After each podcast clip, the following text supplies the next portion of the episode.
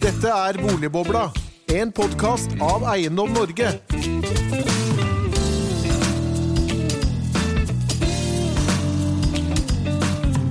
Hjertelig velkommen til en ny episode av Boligbobla, denne gang om politisk risiko i boligmarkedet. For eh, boligutviklerne de tar ikke bare økonomisk risiko, de tar også politisk risiko.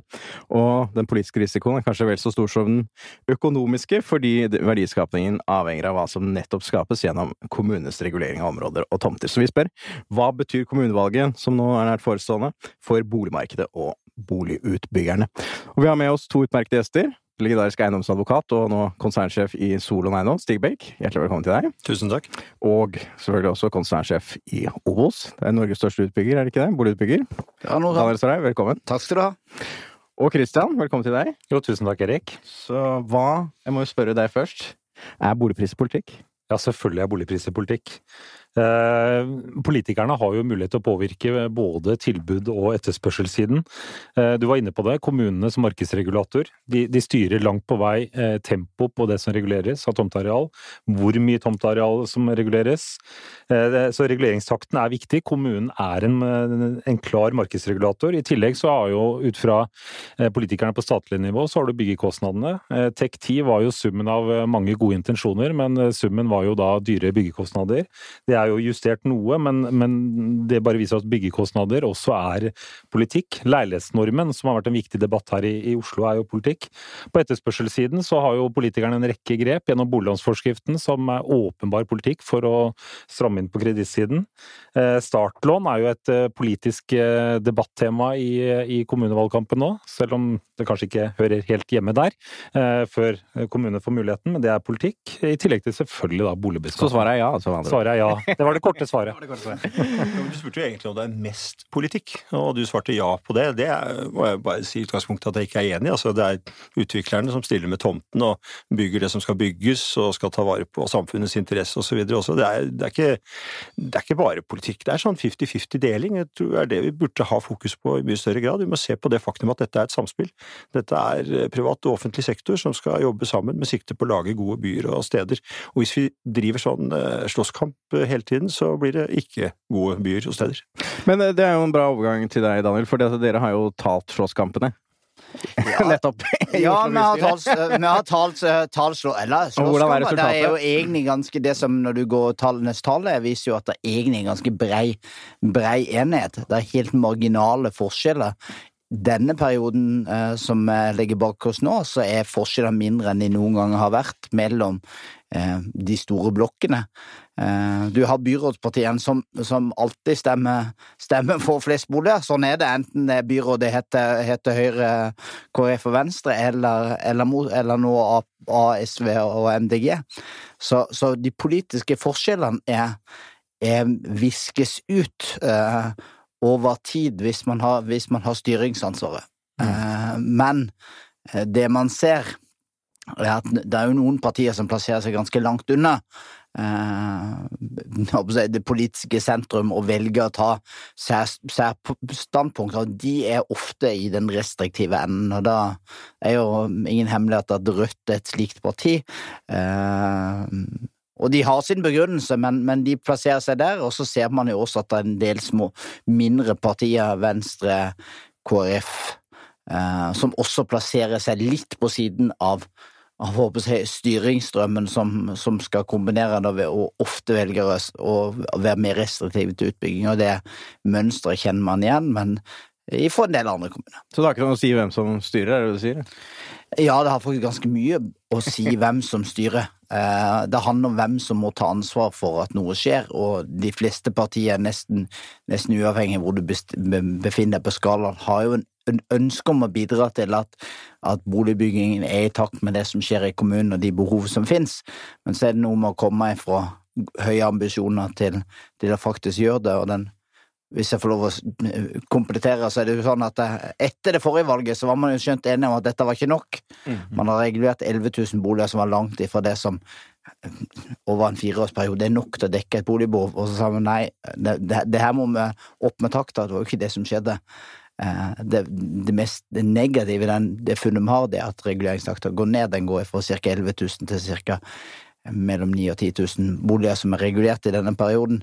Sånn at istedenfor å øke handlingsrom og, og skape jeg, større plass i skjorta, så har egentlig skjorta blitt trangere fordi befolkningsveksten er litt opp igjen, og der har faktisk blitt bygd en del av den reserven som fantes. Ja, men, men er, det ikke, er, det ikke, litt sånn at du, vi bor i en by som ifølge Statistisk sentralbyrås siste fremskrivningen, så kan man jo mene hva man vil om den, har mange synspunkter, men det er ganske nøkterne. 3100 enheter minimum i året frem til 2030. Eh, det er et stort uh, boligbehov. Uh, og uansett hvordan du ser det, så må man da samarbeide igjen for å komme frem til ulike former for, for riktig planlegging av disse byene og stedene som vi alle sammen ønsker. Så har den utfordringen at man i, eh, innimellom så er man innmari flinke. Man eh, hadde kommuneplanen 2015, som er ambisiøs, som bygger på riktig bærekraftmål, som eh, skal ha høyder i knutepunkter og en god del andre ting, og så får du den litt sånn tradisjonelle effekten at når du kommer ned på detaljregulering i etterhånd, så forsvinner disse høydene med tre, fire, fem etasjer, og vips er også effekten av prosjektet borte.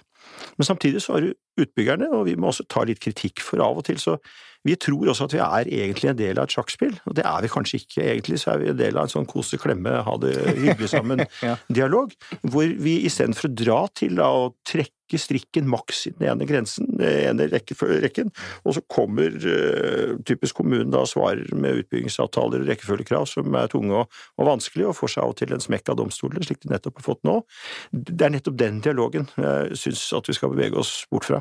Og Hvis vi ikke greier det med kommuneplanen, kanskje vi skal gjøre sånn som man gjorde for eksempel med Nasjonal transportplan, så lage et uh, overordnet forlik som kan ligge der og være effektivt innmari lenge og gjennom flere valgperioder. Tre hovedveier fra Oslo til Bergen, det er alltid det, det, hører, det er så Da blir det skyskrapere over hele byen. De styres, de, der, der, blir den lille mann overstyrt hele tida. eh, og, og, det er jo ikke det man ønsker eh, i, i byutviklingspolitikken. Når man legger en ny E39 bortover, så, så kan du godt rekke opp hånda og være uenig, men, men motorveien den kommer og kjører bokstavelig talt over deg. Mm. Slik er jo ikke lokalpolitikken innrettet. Jeg, jeg, tror faktisk heller vi skal ha det slik, fordi jeg tror verden er flytt... Det tror jeg vi må erkjenne, at vi er i ferd med å flytte oss inn i et litt annet politisk bilde.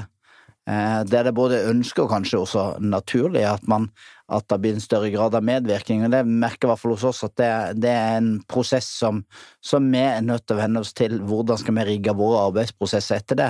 Men opplever du en endring her? At, at, det, at også fra kommunehold er et ønske om større medvirkning eh, i en tidligere fase, sånn som du egentlig snakker om her, Stig. Eh, det at utbygger, planverk, og gjerne også politikerne, men hvis planverket er inne i en tidligere fase, så, så forankrer du på en måte et felles mål i en tidligere fase? Jeg er jo ikke sikker på om vi kommer til Det er liksom min Jeg er ikke sikker på om vi alltid kommer til det felles, har det felles målet likevel.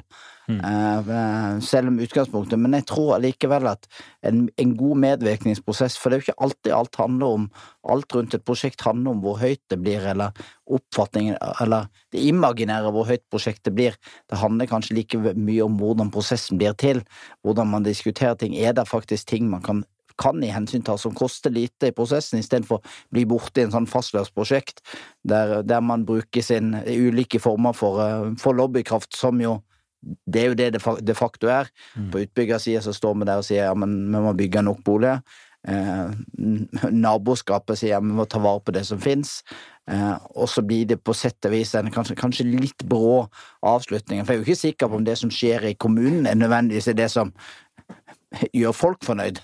Mm. Å kutte en etasje var jo ikke der slaget sto, som regel. Det, det kan ofte ha helt andre eh, hensyn og verdier som, som ønsker lokalt sett. Mm. Men, men det, det, Stig snakker om, er, er, jo altså den politiske risikoen. Den, den, skal, ja. den skal, raderes med dialog. ja, vi kan i hvert fall redusere den. Også. Det, er, det er klart jeg mener ikke, som eh, Daniel var innom, at uh, man skal overstyre de lokale prosessene. Overhodet ikke. Men man må ha Eh, riktige overordnede mål. Og med riktige overordnede mål så mener jeg, for min del så mener jeg altså unngå rigide krav. Eksempel leilighetsnormen er en tvangstrøye. Den skaper mm. utearealsnormen likeså det man kunne gjort Man kunne f.eks. brukt eh, Jeg har sittet i Bygg21 i styret der i flere år, og har blant annet sammen med Daniel laget eh, et sett med retningslinjer, steg for steg. Vi har et sett med kvalitetsprinsipper som er generelle, men gode, men som ikke har tvangsmessig karakter.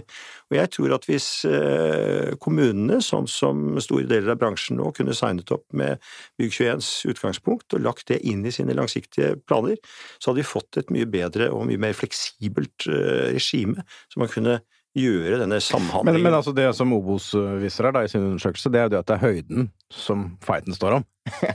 at uh, når prosjektene kommer til behandling, så drar de ned etasjen. Og da, det er jo også der profitten ligger, er det ikke det? da? Eller når Hvis du får tre, fire, fem etasjer ekstra, så betyr vel det ganske mye for Utnyttelse er selvfølgelig der profitten ligger, uh, i et kommersielt perspektiv, men det er jo ingen utbygger som har blitt uh, blitt eh, sånn vesentlig mye fattigere, de prosessene, de etasjene som er mistet i dette, dette, prosjektet. Man tilpasser seg jo et godt marked, eh, og, for, og, og, så, så, det er egentlig ikke der slaget står. Jeg, jeg føler politikken dette handler om, skal vi sørge for at det blir nok boliger. Eh, og ikke egentlig hvor mye profitten til Obos og Solon, eh, den, den må vi ordne sjøl. Men det er faktisk det folk går til valg på, er jo å, å oppfylle er ganske sentralt velferdsgode, ja, som faktisk bolig er. Og, og, da, og, da, blir høyden blir et symbol på motstand.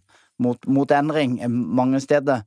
Og så tror jeg politikerne er nødt til å faktisk sette sånne veldig klare og tydelige mål forrige gang. Eh, det nytter ikke bare å si mer. Man må, man må etablere seg noen nøkkeltall og operere noen klare målsetninger. Kommuneplanen er i dag et stort dokument, sier at det kan være plass til 120 000 boliger i Oslo, men den sier jo ingenting om når du skal fatte det, hvilken takt og hvilken ambisjon. Mm. Mens når vi jobber og skal lage det, produksjonsplaner i Obo, så sier jeg at vi må ha en tomtebank som tilsvarer så mange års produksjon. Hvorfor det? Jo, fordi at vi vet at noe skjer langs veien. Noen prosesser tar lengre tid. Et sted møter vi en kommune, kommune, som er sånn, det skjer noe forurensning, markedet er ikke helt sånn. Da må du kunne flytte rundt, sånn at du holder på et jevnt tempo og sørger for en jevn boligforsyning. Disse svingningene er det verste som finnes når du sitter med folk og kapital som er bundet opp. Og sånn tror jeg også kommuner burde lære litt av hvordan man produksjonsplanlegging, for da ville man kunne ha en jevn boligpolitikk. Men alle andre byer, store byer i Norge klarer jo det, bortsett fra Oslo og Østlandet? Nei, jeg er jo jeg, Jo, de, de, klarer til en viss, viss grad det, men, men, men, det handler jo litt om trøkket. I markedet? Men, ja, det, handler litt om befolkningsveksten i, på Østlandet. Det er den store differensiatoren her. De andre byene kan planlegge for en ganske jevn befolkningsvekst som er nesten svakt positivt. Det betyr at det er liksom Har du litt nybygging da, mm. eh, så er det balanse mellom nytt og brukt. Mens, mens her vokser, vokser man jo med og jeg bruker ikke lenger folketall, men antall husholdninger. Det vokste mellom 3000 og 4500 husholdninger i året. Og det gjør jo også regionen rundt. Og det er en mye vanskeligere styrepinn å ta etter enn, enn å balansere en sånn pluss-minus 100 enheter. Og spørsmålet er hvilken husholdningsvekst vi hadde hatt i Oslo hvis boligbyggingen har vært tredobbelt av vannet har vært i nå. Da hadde husholdningen også kommet. Det er jo, det er jo fordi at vi ikke bygger nok at veksten også ikke er større enn det den er, selv om den, den vokser. Og, og, kanskje at man ikke har riktig fordeling av de ulike formene for mellom småhus, leiligheter, eneboliger osv. Vi må ha noe i hele spekteret for å tiltrekke oss alle typer familier og, og, enheter. Men jeg tror generelt sett at eh, det er som Daniel sa, det er helt åpenbart riktig at vi går for utnyttelse. Vi må ha mest mulig plass. Når du først gjør en svær jobb et sted, så er det en fordel å få gode, gode utnyttelsesrammer. På den annen side så har også boligbyggerne kommet dit hen at man eh, med jevne mellomrom velger å bygge litt mindre. Vi hadde et svært prosjekt på Jessheim, vi kunne ha bygd eh, rekkehus og valgte å bygge småhus isteden, fordi det ga bedre sluttresultat og kanskje også bedre sluttavkastning. Og jeg tror det man ser, det er at nå er det ikke bare miljøelementet som er inne, nå skal vi også tenke sosial bærekraft. Sosial bærekraft gir gode miljøer, gir gode repeterte priser i annenhåndsmarkedet, de gir bedre salg om ti år når vi selger en leilighet i samme område. Jeg tror også boligutviklerne er i ferd med å tenke mye mer langsiktig og ikke ensidig profit-wise. Det er jo veldig gode nyheter. Og det er klart at boligutviklerne har en veldig sentral eh, rolle i forhold til byutvikling. og Du, du trekker fram Jessheim som et eksempel, som, eh, som der det er både gode og dårlige eksempler eksempler i forhold til hvordan man har håndtert den ekstreme veksten har vært der. Og dere er vel ganske tungt inne på ski også. Og der eh, opplever jeg at dere har en helt annen offensivitet i forhold til å skape en byutvikling der enn kanskje utbyggerne hadde på Jessheim i sin tid for åtte-ti år siden, da det virkelig blomstret der. Jeg tror det er veldig viktig at vi tar ansvar tidlig. Eh, det aller beste eksempelet er Kolbotn i Oppegård. Man begynte med et prosjekt, og gjennom det prosjektet egentlig fornyet hele sentrum, og deretter har to og tre påfølgende prosjekter. Og, og Ski er eh, et sted hvor vi annet med Obos og flere andre utbyggere tenker ganske likt nå. Men eh, jeg har lyst til å ta tak i én ting som du sa, Daniel, og det er egentlig litt til dere begge to. fordi at jeg opplever valgkampen nå, er at Arbeiderpartiet spesielt eh, har snakket veldig mye om at eh, ja, når det finnes nok tomtearealer på Oslo øst, men utbyggerne velger ikke å gjøre det fordi profitten ikke er god nok. Ja, det, altså, ja, og jeg bare lyst til å fullføre, altså, skal du få lov til å svare på det. Det å snakke om profitt er jo nesten litt sånn spedalsk i, i det politiske ordskiftet.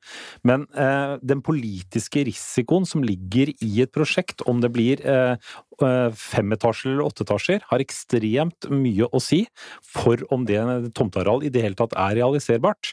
Og mange utbyggere nå eh, skyr jo litt unna Oslo pga. den politiske risikoen det går, er å faktisk kjøpe tomtearealer til ganske høye priser, nettopp pga. politisk risikoen er for høy. Så det å tjene penger på utbygging må jo da være lov, og det blir nesten litt sånn vanskelig å komme fram med det ordskiftet. Men hva er dine tanker om det? Nei, altså for de som har vært der lenge og skal være der lenge, så er det, det ram, de rammebetingelsene man er vant med. Og det er et knippe jeg, større utviklere som har Oslo som sitt hjemmemarked. Det ser man i veldig mange store byer rundt om. Eh, storbyene blir, for kapital, blir ofte for, enten for de store kapitaltunge som har vært der lenge og er vant med, med, med fluktuasjoner, eller så er det for de små, de små nisjeaktørene som kan ta innfyll prosjektene. De midt i midten opplever nok det eh, som, eh, som, ekstre, som, ekstremt krev, som, ekstremt krevende å finne den derre eh, De skal rulle pengene sine komme videre og få realisert prosjektene sine og tåler ikke halvannet års hiccup. Mens vi andre, når Obos, vi har en veldig tydelig strategi hvordan vi jobber i Oslo. Vi må ha lang, flere lange, store prosjekter, så det betyr at stopper noen i i, pipeline et eller annet sted i planprosessen, så har vi ferdigregulert tomter nok. Men dere er jo da heldige, ikke sant? For det er jo, ikke nettopp dette litt av problemet, da? At ikke de jo, mellomstore tør å gå inn? Men, men, tilbake til Jo, det er et problem, men samtidig så er det kanskje sånn at det er en Det, det er slik dette markedet er nødt til å fungere. Eh, og slik er det. Det er mange nisjer som jeg godt kunne ønske meg å være i, eller levere produkter som eksempel Stig i småprosjekter, men jeg kan ikke rigge til det. Og det er kanskje den der å finne sin plass i økosystemet eh, som jeg ønsker meg flest mulig dyktige, kompetente og solide konkurrenter som, som bygger og kompletterer slik at folk får litt ulike boligopplevelser på litt ulike steder. Mm. Eh, så vi har ingen ambisjon om å være overalt. Og så er det sånn at Men det er veldig vanskelig vanskelig, jeg tror om, om ikke umulig, å mitigere en politisk risk. Eh, det har jeg aldri hørt noen har klart før.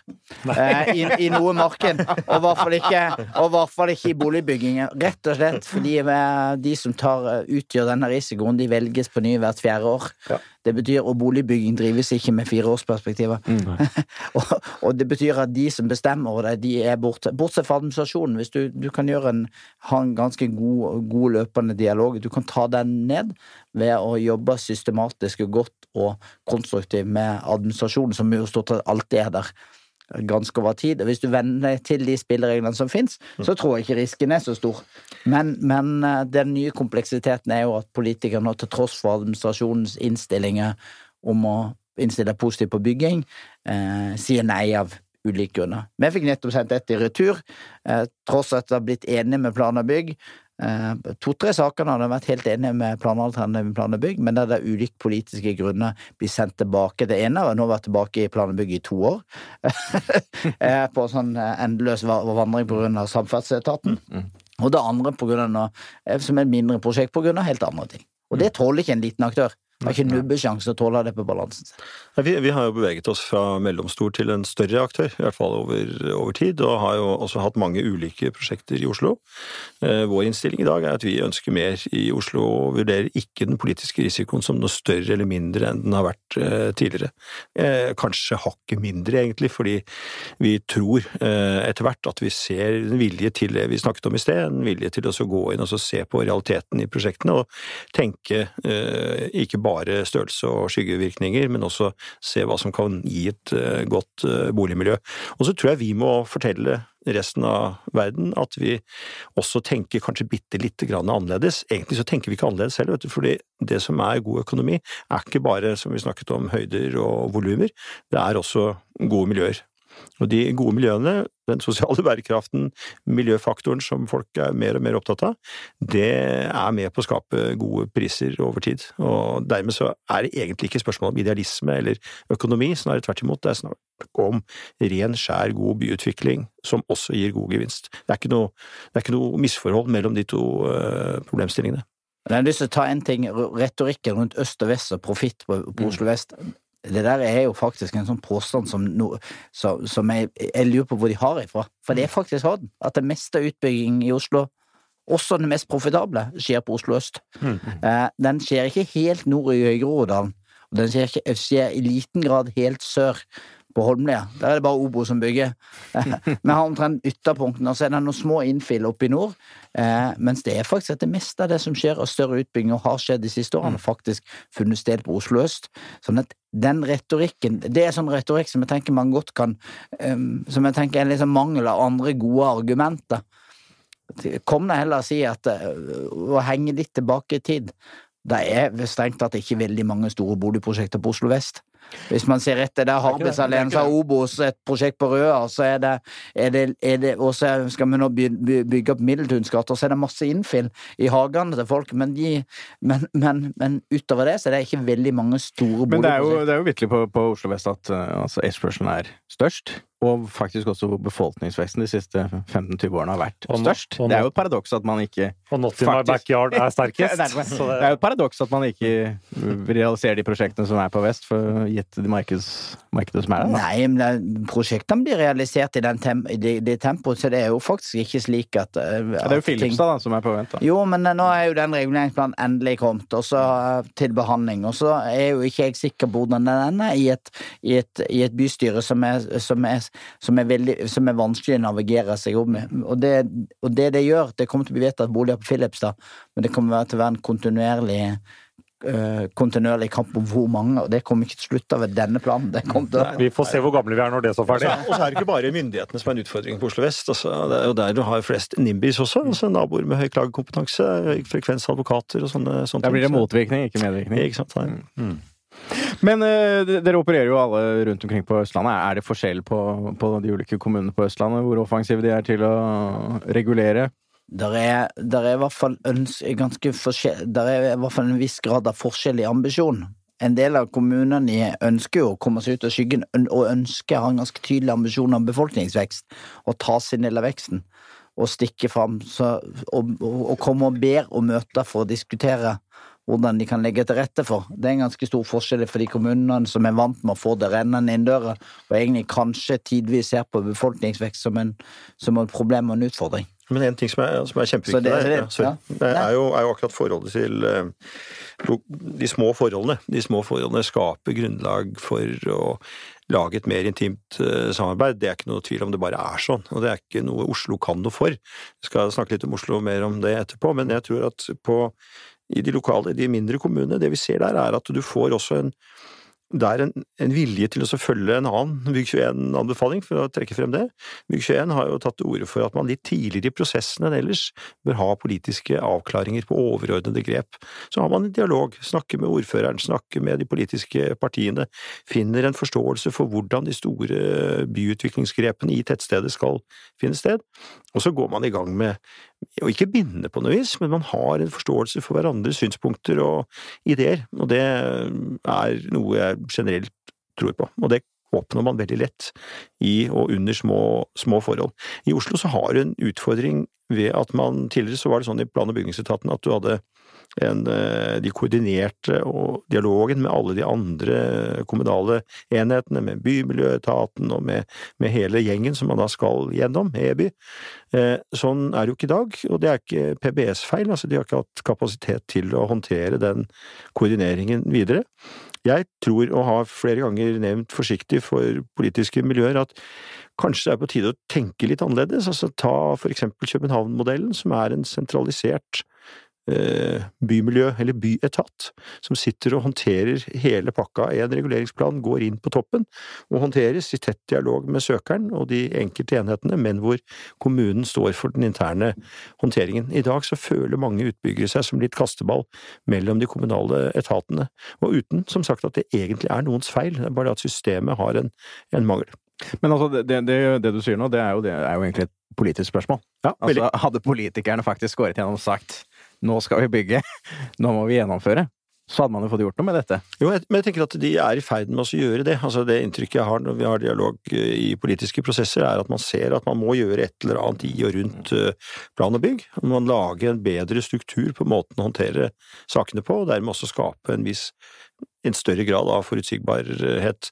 Det er svær og litt kjedelig og tung og lang jobb, som antagelig er og veldig lite sexy, på en måte. Det er ikke noe Det er liksom bare få en ny struktur på byråkratiet, men det er en innmari nyttig jobb som jeg tror at eh, man eh, vil tjene mye på, å legge ned de timene som eh, i den sammenheng skal medgå.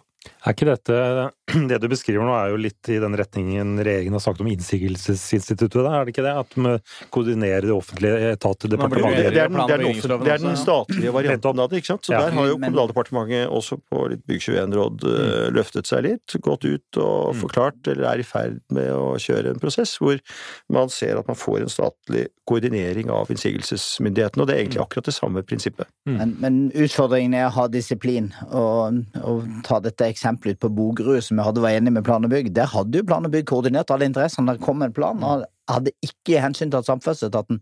Da stopper det. Når planen er på intern høring ja. og kommer til MOS, altså byrådsavdelingen for miljø og samferdsel, da tar samferdselsetaten opp igjen fighten. Og det har da gjort at den planen har blitt liggende. Ble sendt tilbake igjen for å klarere det, og er nå på sitt annet år i tilbakeloopen. Mm. Alle er enige om det skal bli boligen, og nå er jo snart tida i ferd med å løpe løpsk for den planen. Kanskje hadde vi egentlig tenkt å bygge noe helt annet, for vi ser at verden forandrer seg på den tida. Mm. Så, så ja. Så jeg, jeg, har litt Jeg må bare si at jeg har ikke så veldig tro på den der eh, superkoordineringen. For vi, vi, må leve med at, at uh, i en stor by som Oslo, så er ting litt ukoordinert og tar lang tid. Det, det gjelder på en måte egentlig å plugge og gjøre, gjøre skolearbeidet sitt godt på forhånd og sørge for å planlegge så godt man kan. Og jeg, og jeg tror faktisk også litt Jeg er kanskje litt uenig med både Eiendom Norge og Stig her, men, men jeg tror faktisk både leilighetsnormer, utearealsnormer og ganske bindende kommuneplaner, for jeg tror det skaper forutsigbarhet. Jeg holdt på å få dånedippe når, når, når, kom, det, ja. nei, når, når, når byarkitekten i Bergen sier med stolthet i stemmen at eh, her kan du ikke få noe her er det ingen føringer i kommuneplanen for hvilken utnyttelse du kan få. Det er prosjektet som avgjør. Jeg bare gjør det med forutsigbarheten for å investere. Jeg vil mye heller ha en stram ramme som sier at så mye er utnyttelsesgraden, og sånn, sånn tenker vi maks om det, mm. enn å liksom begynne med blankt ark. Det, da tar det mye risk, ja. Jo, men, men, det der er jo åpenbart. Men altså, hvis du ser på dette er jo også økonomiske parametere. Vi har jo nå fått et nytt boligmarkedsforskningssenter med eminente eh, økonomiske forskere, og det, og det de sier, altså André Hanunsen, tidligere Norges Bank, nå Boligmarkedsforskningssenteret, også IMF, sa, er jo det at restriksjonene på boligbygging som er i Oslo, og som er så sterke her i hovedstaden, det gjør jo at markedet ikke responderer på prisene i, som det ville gjort under normale forhold. Altså at boligbygging da ikke kommer seg opp når prisene stiger så kraftig som de gjorde da i 16, ikke sant? Med restriksjoner så tenker han vel da, så vidt jeg skjønner etter å ha hørt skråstrek lest det, at eh, det er restriksjoner både på eh, altså volumer og den type tekniske restriksjoner. Men det er også de lokale, dette kan du jo målsette, ikke sant? Mm, mm. Både tekniske og regulative ja, restriksjoner. Mm. Og, og, det som Oslo skiller seg jo kraftig ut fra, i hvert fall så vidt jeg kan vurdere, fra de aller fleste store andre byene i, i Norge, ved at de har et så mye innslag av lokale regulerere. Vi snakker jo da om 200 Eh, over 200 veiledninger og normer i tillegg til ordinær plan- og bygningslov. Det er klart at dette er jo hemmende for tilbudssideresponsen. Jeg, jeg, mener at det er det. Jeg mener at vi har gått for langt. Altså Bergen-eksempelet på den ene siden og Oslo-eksempelet på den andre mm. står veldig langt fra hverandre. Eh, jeg tror at den, det nivået som man f.eks. la seg på i kommuneplanen fra 2015, det, det er helt ålreit, det er helt forsvarlig. Det gir nettopp de føringer, veldig overordnet, som Daniel etterspør. Men så kunne du på en måte pent og pyntelig plukka vekk mye av det andre. Ja da, men jeg tror samtidig det, vi kan godt tro at vi Og noen av oss har denne jobben eh, ganske, ganske, ganske alvorlig i forhold til det med å være, være selv, selvsensurerende på, på, hva man bygger. Så er det bare å ta seg en tur rundt om i byen og se på noe av det som er bygd både av oss selv og av andre, så tenker man at det, Jeg så nettopp et boligprosjekt der jeg fikk motbør for plan og bygg, og jeg, jeg takker meg sjøl for at Ellen de Vibe sto imot Obos og sa at, at her burde, her burde Nei, men poenget er at noen ganger så har du ikke alltid blikket. Og noen ganger så er det faktisk sånn at, at nettopp denne jaginga, den siste mm. krona Og det er utrolig mange medarbeidere, hvis du er mm. både i små og store firma, for dette er, ikke, dette er det ikke noen forskjell på, som legger æra si på nettopp de der siste kvadratmeterne. Og da er det faktisk ikke alltid kvaliteten som teller, og da er det faktisk greit. Og jeg opplever jo at utearealsnormer det er slike så kan man diskutere hvordan de skal være. Så kan man ha en god mm. prosess på hvordan disse normene skal være, men det å ha et normsett som sier at ja, det skal være sol og lys og en viss grønnfaktor på prosjektet, det er Ja, men jeg tror ikke vi er uenige i det, Daniel. Jeg tror vel egentlig det er detaljgraden. detaljgraden. Jo, men detalj, det, på et eller annet nivå så blir det sånn at og der jeg har vært med i Bygg21, men det er jo et eksempel på det motsatte. Det er jo virkelig sånn syn, altså, synse at det skal være grønt og luft, og, og, og, og det er liksom den ytterligheten på frihet, for da blir det subjektiv oppfatninger. Da, blir, da blir det en saksbehandler i møte med en, med utbygger, en arkitekt, som skal avgjøre subjektivt hva som er godt nok her. Og og du vil heller ha normer enn skjønn? er det du sier? Ja, faktisk. Men, men, men da, skjønn er livsfarlig på, på, denne type myke faktorer. Men det er en del prosjekter der ute som er godkjent eh, med de strenge retningslinjene som kanskje også burde bli sendt tilbake. Altså, det, det, det, er ikke, strenge normer i seg selv er jo ikke eh, et, eh, en garanti for kvalitet i boligbyggingen. Og, og, og, og, disse strenge normene, spesielt på leilighetsnormen, hvor du tvinges til x antall familieboliger i indre by hvor det skriker etter toroms. Og du, du snakker jo om husholdning befolkningsutvikling i husholdninger. Altså jeg ser jo her, Det er jo da bygget Ellen Vibbe skrøt på deres konferanse at de hadde bygget 60 000 boliger de siste 20 årene. Men vi snakker jo at befolkningen er jo vokst med da 200 000 mennesker de siste eh, 20 årene. Det er altså 3,5 eller noe sånt per bolig, og mens da snittet er to. Altså, men, men det er forskjell på Jeg er helt enig, og har, jeg satt jo en, som en del av det knepne flertallet i Boligvekstutvalget som foreslo en justering opp. Du bikka det, Daniel? Ja, det var nok en annen som bikka det. Uh, men, det. men, det. blir Og der var vi jo faktisk enige fra, fra utbyggers side uh, og andre om at det, det var ikke fullt frislipp som var løsningen, men at dagens, dagens leilighetsnorm er altfor restriktiv i forhold til det som faktisk skjer, uh, og hva som faktisk etterspørres. Det, det, ja, men da er vi jo egentlig enige. Det, ja, men det, men det er ganske stor mm. forskjell på de som ønsker full frislipp, ja. som jeg hører, og, og som jeg bare bygger så mange torom som bare vil. Det er jo litt spesielt å kalle det full frislipp og få bygge hva man vil. da. det er fullt For å si sånn, jeg kan, jeg kan, love deg at hadde man fått lov å bygge hva man ville i Oslo sentrum, eh, av leiligheter, så hadde, det, så hadde det blitt noen fete toppleiligheter og så har det blitt veldig mye toromselgers. Mm. Fordi det, det, er det som selger lettest. Altså, med, med markedets mekanisme er det. Selg fort, mm. ta ut risken, bygg, bli ferdig, gå til neste men, prosjekt. Men hvorfor, hvorfor, skal det da være, hvorfor skal da Oslo ha et forbud mot å bygge leiligheter mindre enn 35 kvadratmeter, mens resten av landet kan bygge 20? Nei, det, det, er jo de facto ja, men, men, det er også, men det er også et nivå på sant? For den diskusjonen med det... Ja, for det er også litt sånn en altså, slags anakronisme at man henger igjen i dette med 35 osv. Jeg tror eh, flere i dag, særlig en del unge, de tilbringer mindre og mindre tid i leilighetene. Om den er 20 eller 35 kvadratmeter, har egentlig ingenting å si. Og så men det, er, det, som skjer, er at de tar med seg de litt sånn trangbodde vanene, sånn som man gjør i alle andre storbyer over hele verden, når de etter hvert eh, etablerer relasjoner, kanskje til og med får noen barn og sånne ting. Det ønsker vi alle. men jo, men, men, det, men det, er et, det, er et, lite poeng der at vi, vi, må passe på hele tiden at vi henger litt med i forhold til forventningene. Ønsker man å bo trangt, så er det helt ålreit, det. Mm. Kan hende det er ganske koselig, til jo da, men, eh, men det, det, er ganske mye trangt i denne byen som ikke vil kjennes ved. Så det, det fins en, en, en, grense for hvor trangt man, man faktisk skal tillate bygges. Det. Og i hvert fall hvis det, hvis det blir store volumer i det. Og, ja, vi husker vel alle, kanskje ikke alle som lytter, men, men vi eh, er living in a box og de, de konseptene ja, som kommer der. Det er bare å gå rundt og se hva som er mm. gjort, lov, gjort lovlig i denne byen av tilpasninger. Ja. og det er jo motsatt av det hvor mange som faktisk lever på å leie ut sånne living in a box i dag. De har bygd om store leiligheter til celler av ti kvadratmeter med felles kjøkken og ett et bad eller to. I beste, ja. ja. det er en, en katastrofe for bomiljøet, og ikke minst er det ikke verdig de menneskene som faktisk blir eh, må bo sånn.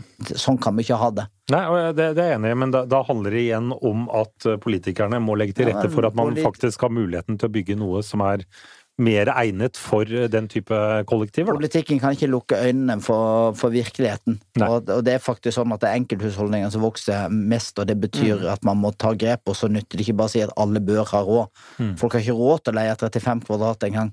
Altså det, det, er jo faktisk, det er faktisk ganske mange mennesker i denne byen som ikke har råd til å leie det. Mm. Eh, om det var eie eller leie, og der finnes jo ikke kommunale økonomiske virkemidler til å hjelpe vanlige folk i dag, de finnes verken på statlig eller kommunalt hold. De som får hjelp av kommunen, er jo de som har jeg har en, ja. Mm. Ja, så er kjeppes hos meg når det gjelder disse små leilighetene òg. Én ting er at dette er en naturlig del av urbaniseringen du ser rundt i storbyer rundt om i Europa og resten av verden, men det, det har et klimaperspektiv òg. Og det, det syns jeg drukner litt i, i ordskiftet. fordi at hvis du bygger eh, Deres utbyggere snakker om at dere tar, ønsker å ta et større samfunnsansvar, eller i hvert fall ønsker å synliggjøre det samfunnsansvaret dere mener dere tar. Ett av to. Eh, Men hvis du da bygger gode bomiljøer, gode byr, eh, fellesrom, gode nabolag, eh, og kan bo enda flere i disse, så er, reiser du mindre, kort vei til jobb osv. Så, videre. så det å bygge smått, og bygge heller flere enheter, har faktisk et ganske viktig Jeg har sans for det, og vi eksperimenterer litt med det å se på ulike varianter. Ikke bare som studentenheter, men også mer generelt. Og det har egentlig et bærekraftsperspektiv i bånn, og det holdes sammen med det faktum at jeg tror at de personlige ønskene, altså ønsket om plass og boforhold, bosituasjon, er litt annerledes. Man ønsker noe som er litt tettere, og mer opptatt av det som er rundt, enn akkurat den enheten hvor man har senga og dusjen sin. Mm. Men det er en kjensgjerning samtidig at eh, vi kan godt ønske oss det, og så er det sånn at forbrukeratferden styrer, og folk etterspør faktisk mer mer plass som har Og det, det er jo liksom svøpen i det hele, at vi bor i et velferdssamfunn med enorme boligformuer nå for foreldregenerasjonen som muliggjør større boligkjøp enn det, mm. enn det strengt tatt lommeboka egentlig isolert sett holdt for oss. Så det er jo et press, og vi ser jo det at Derfor har jo ikke dette med å bygge familieleiligheter i sentrum eller i Oslo vært noe problem, for folk håndterer det jo. Det, det biobygde bremser oss jo ikke i forhold til å komme i gang med prosjektene, fordi det er jo faktisk folk som, som, er, i stand, som er, i stand, til å kjøpe det, også i stand til å kjøpe relativt store, store toroms, eh, fordi man får ganske solid eh, og så er det også trender i samfunnet. Vi diskuterer ofte med arkitektene, og der får jo ofte blir huden full for å bygge for smått og for likt eh, på planløsninger. Så dette er jo trender i motsatt retning også. Som, som, handler om at man skal bo godt. Bokvalitet er lik stort. Mm. Eh, og For meg er det et paradoks at, at, at, at bokvalitet måles i volum, og ikke, som du sier, handler litt nærmiljø. Og så er det på et eller annet nivå så er det et minimumskrav til kvalitet både på lys og sol og areal. Men, men, men, det er ikke alle trender, og politikerne hører ikke alltid heller på De, de er jo ikke alltid på, på den samme trenden, de heller. Mm. Uh, vi, er jo åpenbart enige om at det reguleres for lite i Oslo. og I 2016 så, så satte jo da Raymond Johansen-byrådet ned uh, Boligvekstutvalget, hvor du også var en del, Daniel Stray. Og jeg, jeg, hentet ut da fra, fra budsjettet nå for 20, 2019, så skriver altså byrådet Boligvekstutvalget uh, har da um, fremmet 59 forslag. Og gjennomføringen av disse, um, og 90% av disse forslagene er gjennomført eller i arbeid. Stemmer det? Det er mulig at det er i arbeid under vurdering, men de store tunge hadde jo ikke gjort noe med. Leilighetsnormen var én ting. Mm. En annen var en justering av utarbeidelsesnormen som var ganske kraft, som, som, som, var ganske vesentlig i, i forhold til innspillet fra utvalget. Sånn at å, å tale de enkle ballene, det, det, er fint. Jeg sier bare Jeg har ikke gått inn og talt, men det viktige er jo at man gjør noe med det som virkelig skaper volum på, volum på boligbygginger. Og det har du ikke gitt da, hvis du ser dette var 2016, høsten 2016, og så er det da dette, ned 2000 enheter i denne perioden? Her har jo ikke byrådet vært enig med seg selv, eh, og det er fair enough. Eh, og de har i hvert fall ikke vært enige, og det er ikke enighet på tvers. Vi klarte å bygge noe flertall i, i bystyret for en eller annen løsning, og da er det sannsynligvis på noen av disse punktene enklest å bare la ting bli som det er. Eh, og heller bruke andre grep for å få fart på boligbygginga. Og Der finnes det bare ett grep igjen, og det er bygge enda flere boliger på de tomtene som er, og strekke, strekke seg høyden. Hvis du ikke kan håper jeg, ese ut og bygge litt trangere, som jo ja, for det er vel litt sånn at, eh, som Daniel sier, at det er veldig mange av de tiltakene som står og det er som ganske enkle ting som man kunne gripe fatt i fort. Jeg har heller ikke satt meg ned og, og talt dem, men bare legger merke til formuleringen. Altså i arbeid, det betyr i realiteten satt til Vurdere, vurdering. Se på. Ja, satt, og satt til vurdering er på en måte formuleringen, tror jeg, som ofte brukes. og da, Det betyr egentlig ikke noe annet enn en, en mail. Ref. Eh, dette utvalgets punkt 17, kan ikke dere se på det? Men, men, men, det er ikke sikkert at det er noe feil. Kanskje det kommer noe veldig godt ut av det, og kanskje man finner en fin måte å håndtere det på. For det er fortsatt en veldig god liste over hensiktsmessige ting. Jeg tenker jo, vi har vært innom Bygg21 flere ganger. Så tar man prinsippene der steg for steg og kvalitetsprinsipper og sånne ting, og så legger man til eh, den jobben som, som ble gjort den gangen. Så har man egentlig en, og titter til København kanskje også, så har man en god eh, struktur på en ny og forbedret regulerings- og planstatus i Oslo. Men når vi går nå inn i en ny periode periode her i Oslo da, og, og resten av landet. Uh, hvor, hvor, mye må man regulere i kommende periode hvis det skal være noe håp?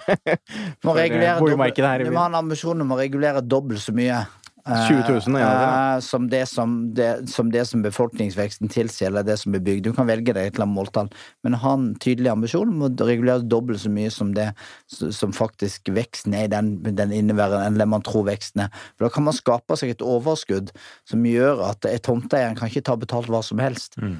For nå er det jo sånn at det er jo Nå kommer det en tomt til salgs relativt sentralt, så løper alle og skal kjøpe den.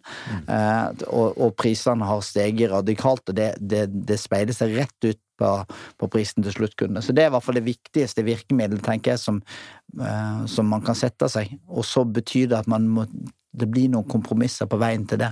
Ja, hjertelig, hjertelig, enig med Daniel i, i den sammenheng. Altså Dobbelt så mye er et fair eh, tak. Da har du den bufferen som er nødvendig for å skape, i hvert fall ikke bidra til å stimulere unødvendig på prising og markedet for øvrig.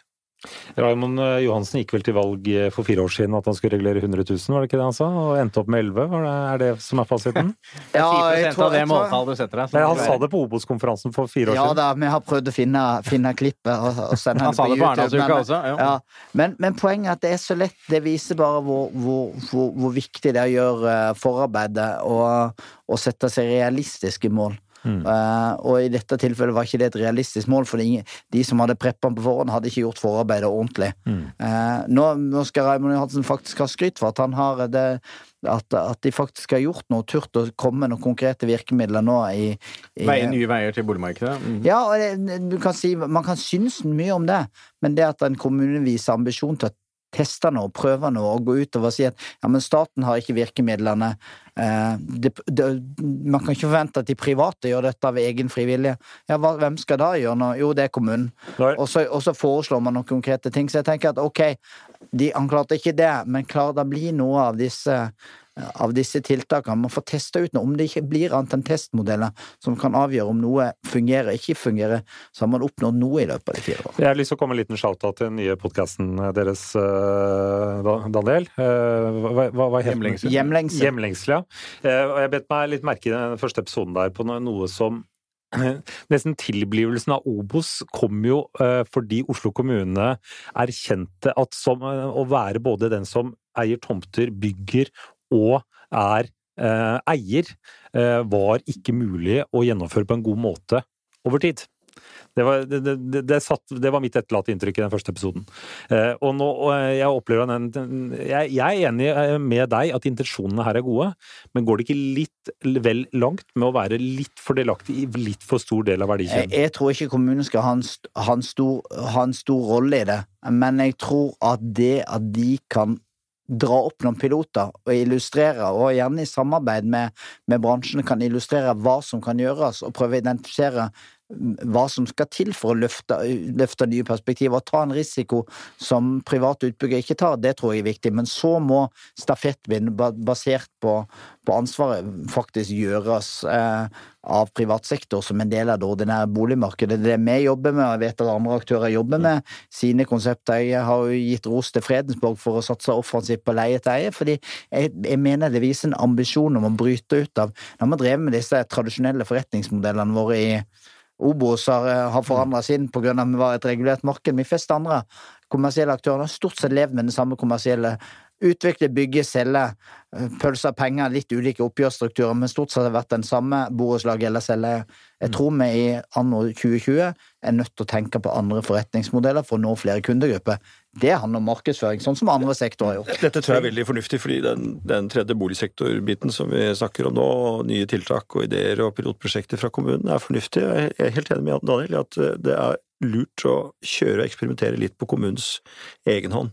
Det vi har formidlet til kommunen, og som jeg tror egentlig kommunen også vil tenke på et eller annet tidspunkt, er at de skal ikke være en boligutvikler i stor skala. Kommunen vil kanskje være på eiersiden, kanskje skal de gå inn i joint venture med, med, med Obos og oss og en masse andre mennesker.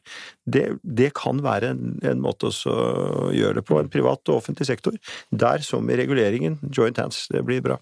Og Det var det vi foreslo når vi gikk til kommunen i fjor og inviterte de å være med på et bostadsselskap som ikke handler om Obo sine egne boliger, men som handler om det brede perspektivet og si at ja, men vi tror ikke dere sitter på all kompetansen, vi har kompetansen, vi har kapital til å kunne være med, men, men kommenter dere, og så gjør vi en felles innsats, og så inviterer Så har vår intensjon hele tida vært med å invitere med andre fra bransjen også. Mm. Så det blir et fellesselskap der eh, Solon kan investere, Veidekke kan, eh, det må være JM eller hvem som helst, men at man tar et felles løft for å finne nye boligmodeller. Sånn at det ikke blir et Obos og Oslo kommune, men noe med å begynne ballet. For jeg tror det er, den, det er på en måte løsningen til å faktisk etablere en tredje boligsektor som fungerer, men på markedets premisser, og ikke som en sånn semikommunal virksomhet. Det hadde vært et kjempemorsomt eksperiment hvis man kunne gjort dette sammen, og med sånn type offentlig ja. ja. er med. Ja. Med dialog og samhold. Som ja.